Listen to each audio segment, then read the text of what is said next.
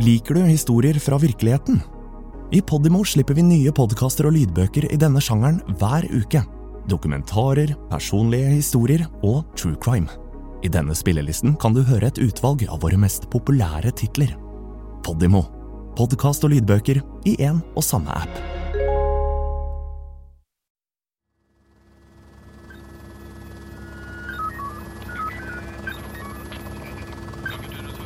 Mai 2018. Det henger et helikopter over Oslo øst. Men så høyt oppe at det er umulig å legge merke til hvis man ikke vet om det. De følger Jonas. Operasjonen Hybris er startet for å ta kriminelle nettverk som leverer narkotika til gjengmiljøene i Oslo. I nyhetene ser vi stadig at gjengene tar konfliktene sine ut på åpen gate. Kripos har nå identifisert Sølvreven, en dansk mann som frakter narkotika over grensa fra Sverige. De håper Sølvreven skal lede dem til noe større. Hva var det han la i bagasjerommet på bilen til Jonas? Dette er andre episode av Operasjon Hybris. Jeg heter Malin Stensønes.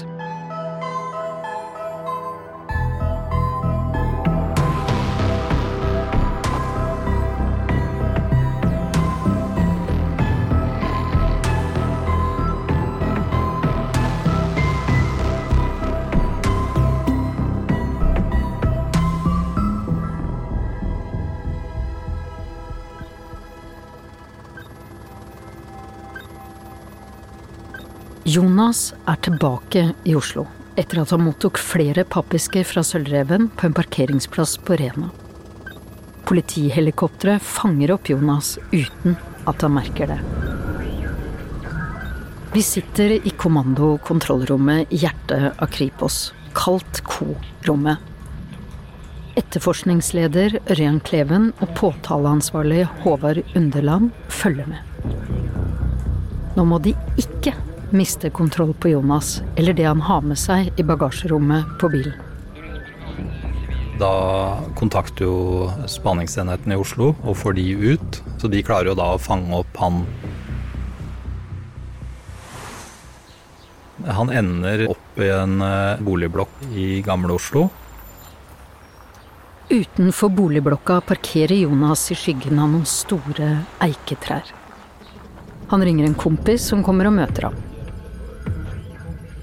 Inne på korommet sjekker de raskt identiteten til kompisen. Også han er en gammel kjenning av politiet. Og så begynner de å bære pappesker inn i oppgangen på denne adressen. Og det er jo da både jeg og Håvard skjønner at dette er jo mer enn bare litt narkotika han har fått. Vi visste det var ganske tungt. Vi visste at det var ganske mye, fordi vi, vi så jo Bilen var jo full. Men vi visste ikke hva som var i de. Eh, Der kunne det være alle typer slags narkotika. Jeg tror det er fire eller fem pappesker. Begge er enige om at dette kan vi ikke Vi kan ikke la det gå. Det, det blir for risikabelt. Når vi hadde så lite kontroll på hva som var der, så blir fokuset å få tatt den narkotikaen, slik at den ikke slipper ut i markedet. Jeg tror både de operative og vi ønsker jo som regel å, å, la det gå lengst mulig. Men da når vi ser at det er på vei inn i en boligblokk med jeg husker ikke 10-15 etasjer, så blir, blir sjansen stor for å miste det, rett og slett. Etterforskningsleder Ørjan sitter midt i ko-rommet. Han gir spanerne go. Nå kan de gå til aksjon. Men å få tak i eskene til Jonas er enklere sagt enn gjort. Det er et rolig boligområde med grøntområder. Det er barnetegninger i vinduene i hele første etasje av blokka. En barnehage. Inn her er det Jonas og kompisene hans bærer pappeskene med stoff. Spanerne følger raskt etter. Da tenker vi at vi skal uh, slå til og ta ut det partiet med narkotika. Men har nok litt uflaks i det en slår til. Akkurat idet spanerne skal ta tak i døra, så smekker den igjen og låses. Og på den andre siden av vinduet står Jonas, og han møter blikket til spaneren. Og skjønner jo med en gang at det er politi, og bare roper til kompisen Kom deg unna, kom deg unna, løp ut! Og så stikker de av. Og på utsiden står politiet ved den låste døra, og så kommer de jo inn. Men det Jonas og kompisen da har gjort, er å slenge fra seg pappeskene. Og det er ingen tvil om hva som er inni. Det stinker cannabis i hele oppgangen. Så det er jo åpenbart at de har dumpa den litt i panikk og rømt fra stedet. Det er over 90 kilo hasj i eskene som Jonas fikk fra Sølvreven. Etterpå sier en av etterforskerne lattermildt hvem skulle trodd at Rena er cannabis-heaven?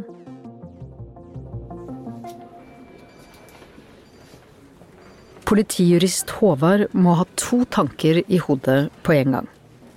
Målet med Operasjon Hybris er betydelig større enn 90 kilo hasj i en trappeoppgang i Gamle Oslo. Jonas er ikke målet i den etterforskninga. Målet var å stoppe en innførselsåre for narkotika. Og i den konkrete situasjonen så var hovedmålet å ikke miste det narkotikapartiet som var der.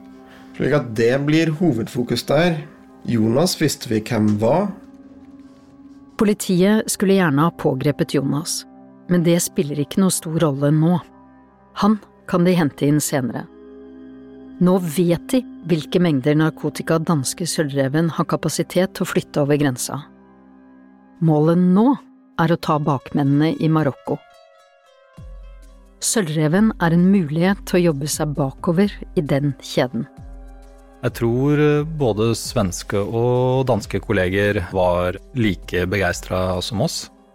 De så at dette var en god mulighet til å få en god sak. Kripos inngår et samarbeid med politiet i Sverige og Danmark, og finner flere interessante ting om dansken med det sølvgrå håret. Han har blant annet flere eiendommer i Spania og har investert millionbeløp i boligutvikling i Romania. Dansk politi finner interessante reiser til Spania og Nederland. Og de finner tilknytning til Marokko. Han har sittet i fengsel i Danmark for en del år siden for et grovt narkotikaforhold. Han er gift, har to mellomstore barn og bor i en enebolig i eh, ja, Odense. Utad så er jo han en uh, vellykka forretningsmann, uh, vil jeg si. Han har jo relativt dyre biler. Han har en stor eh, enebolig og driver flere byggefirmaer, eiendomsfirmaer, som han også har en eller annen virksomhet i. Han øh, går pent kledd, dressjakke, og ser vel ut som en øh, kanskje forretningsmann. I motsetning til mange av våre objekter, så har jo han en annen personlighet. De som vi har hatt inne i saken fra før, er jo kanskje litt mer sånn caps og saggebukse. Han er en profesjonell person som var flink i jobben sin. Hvis han ser på transport av narkotika som en jobb. Påtaleansvarlig Håvard Underland og resten av Kripos-teamet graver etter mer informasjon om Sølvreven. Etter at Sølvreven da dro ut av landet, så eh, fant vi etter hvert ut at han hadde bodd på et hotell på Trysil. Og det som gjorde det da ekstra interessant, var jo da at når vi ba hotellet om å få en oversikt over de overnattingene han hadde hatt der, så viste det at han hadde hatt mellom 50 og 60 overnattinger de siste tre-fire åra. Eh, og alle var jo da veldig kort varighet, én til to dager. Til nå har ingen fanga opp hva Sølvreven har drevet med. Han er helt ukjent for norsk politi, og kan ha gått under radaren i lang tid. Det er klart, eh, vi forstår jo at det her potensielt er veldig stort, og at omfanget er veldig stort. Og det gjør jo også at det er lett å få god hjelp av svenske kolleger og danske kolleger. Så vi får jo da bl.a. avlytting på hans telefon også i Danmark. Nå som etterforskerne er i full gang, må politijuristene følge dem tett. Hvis en sak havner i retten, må alt ha gått etter boka, Eller kan de skyldige gå fri.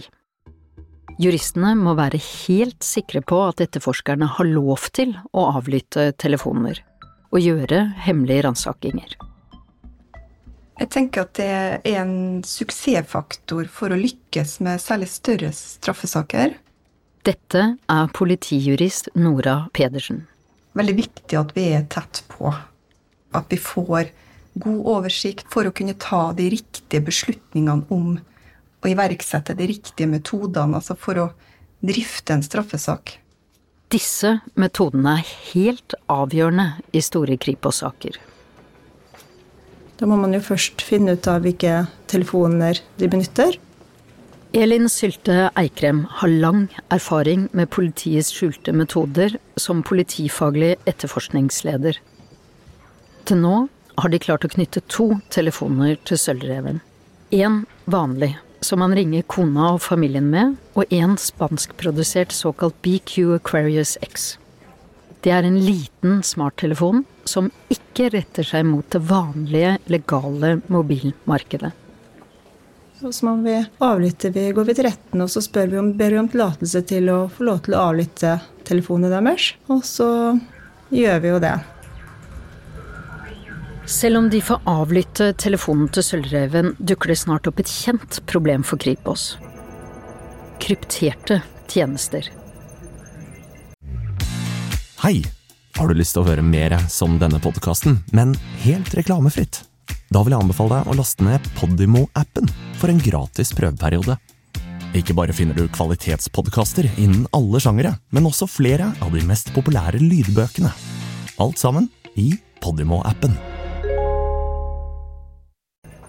Det er den lille spanske telefonen som skaper problemet. Den er skreddersydd for den krypterte meldingstjenesten Encrochat. En kryptert kommunikasjonsplattform som leverer mobiltelefoner, hvor det er installert en, en app hvor man kan chatte da med andre brukere som har installert den samme appen, da, kan du si. Prisen på en enkle telefonen den ligger på mellom 15 000 og 20 000. Og da inkluderer det seks måneders forbruk. Encrochat virker sånn at den bare kan chatte, og kun med andre Encrochat-telefoner. Da blir det svært vanskelig for politiet å avlytte eller sikre spor.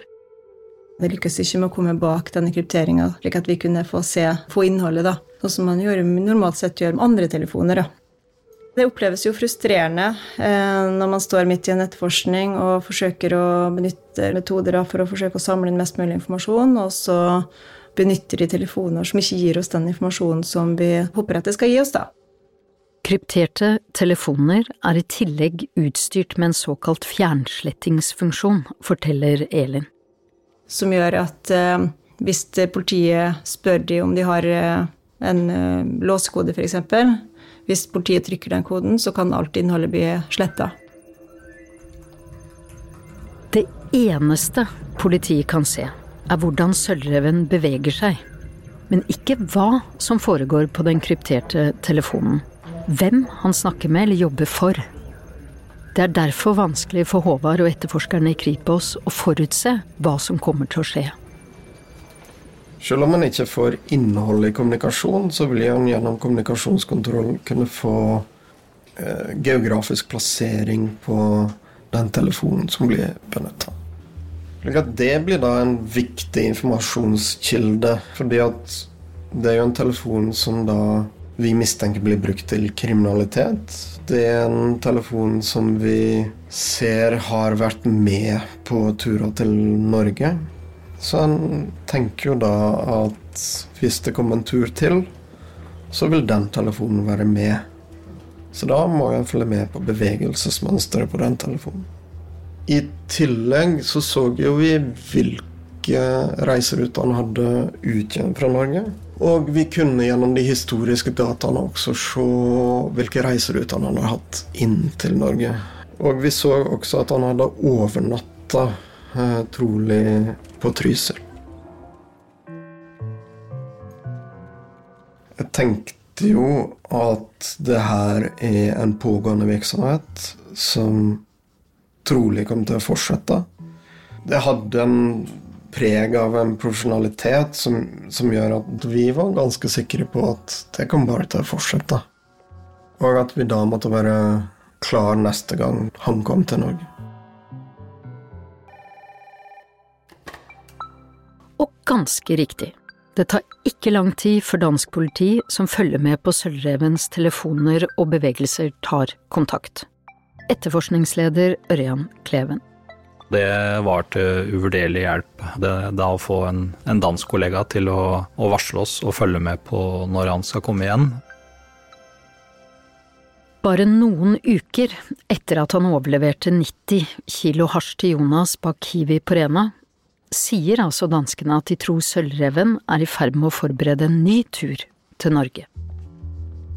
Det går ikke lang tid før han uh, ringer oss og sier at uh, nå tror jeg han kommer igjen, fordi han har gitt uttrykk for at han skal ut og reise og bli borte noen dager. Politijurist Håvard Underland. Det som blir fokus nå, er jo naturligvis å prøve å finne depotet til uh, Sølvreven. Hvor henta han narkotikaen fra? Da trenger vi hjelp fra politiet i Danmark. Eh, og vi mistenkte da at det ville være et depot et eller annet sted, altså en samling av stoff, et eller annet sted i Danmark eller Sverige som Sølvreven henta fra før han kom til Norge. Og for å sette en skikkelig stopper for den narkotikaåren, så er det viktig å kunne lokalisere det stedet hvor han henta narkotika, og ta beslag i det stoffet som eventuelt ligger der. Og for å kunne finne ut av det på en trygg måte, så måtte vi slippe Sollereven ut igjen. Slik at han kunne få dra enda en tur til Norge med narkotika før vi pågrep ham. Så da eh, varsler vi igjen svenske kolleger og spør om de kan spane han, og at vi forventer at han vil komme på nytt til Norge. Og det slår jo til. Sølvreven kjører mot Norge, og politiet følger ham tett. Det er kanskje ikke så rart, han har gått under radaren deres i mange år. Han tar nemlig flere forhåndsregler enn krypterte telefoner. Han tok eh, forholdsregler for å ikke bli tatt. Bruk av eh, kryptert eh, kommunikasjon, blant annet. Hadde følgebil på grenseovergangene for å minske muligheten til å bli stoppa på, på grensa. Håvard Underland, påtalejurist i Kripos. En bil som kjørte over først. En gammel kjenning av Sølvreven, som de møttes i Danmark. Passa på at den følgebilen kjørte over Øresundsbrua Øresundsbroa først. Meldte da tilbake igjen at det var trygt å kjøre over. Så kjørte Sølvrøven over. I kommando-kontrollrommet til Kripos sitter etterforskerne og ser hvordan Sølvreven forlater Danmark, over den lange Øresundbrua og inn i Sverige. Der tar svenske spanere over etterforskningsleder Ørjan Kleven. Og der eh, ser de at han eh, like etter Malmö eh, stopper ved et, et leiebilfirma, leier seg en ny bil. Og de ser også at han da løfter flere tunge gjenstander fra sin egen bil over i leiebilen. Også det en Mercedes. Den samme som han brukte da han ble identifisert. Og ut ifra det som skjer der, så skjønner vi at narkotikaen da blir lasta over fra hans privatbil og over i leiebilen. Og så setter han kursen nordover. Og eh, han blir da spana hele veien og fanga opp av norsk politi på grensa grenseovergangen som går inn mot uh, Trysil. Uh, og uh, igjen der så kjører den følgebilen først over inn til Trysil. Sølvreven i sin leide Mercedes og personen i følgebil kjører til Trysil, hvor etterforskningen har vist at Sølvreven har vært flere ganger før. I Trysil tar både Sølvreven og mannen i følgebilen inn på hotell. Så blir det stille. Helt til neste morgen. I neste episode av Operasjon Hybris Det blir nesten litt sånn kø inn på parkeringsplassen. Først så kommer det én bil, og man mener at man observerer en overlevering. Og så, når den har forsvunnet, så kommer det en eh, ny bil. eh, Og til slutt eh, en tredje bil. Dette er jo langt flere enn det vi hadde forutsett. Så vi går inn dit, kommer oss inn i lageret. Og der inne er det um, ikke akkurat oversiktlig. Eh, Det er ganske rotete der. Tydelig at det er et lager som blir brukt til eh, mye rart. Men etter hvert så får jeg en oversikt over den narkotikaen som er der, og, og delvis så er den pakka ned i store stålkasser. Og delvis um, så er den fortsatt i den emballasjen som kom i fra Trysil, mistenker vi. da. Så store, sorte plastsekker. De sier at det er flere hundre kilo.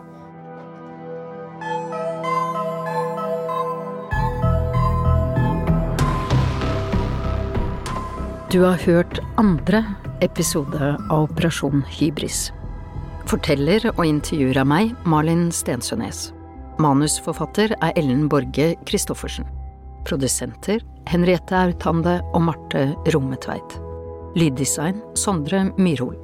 Musikk Hans Kristen Hyrve.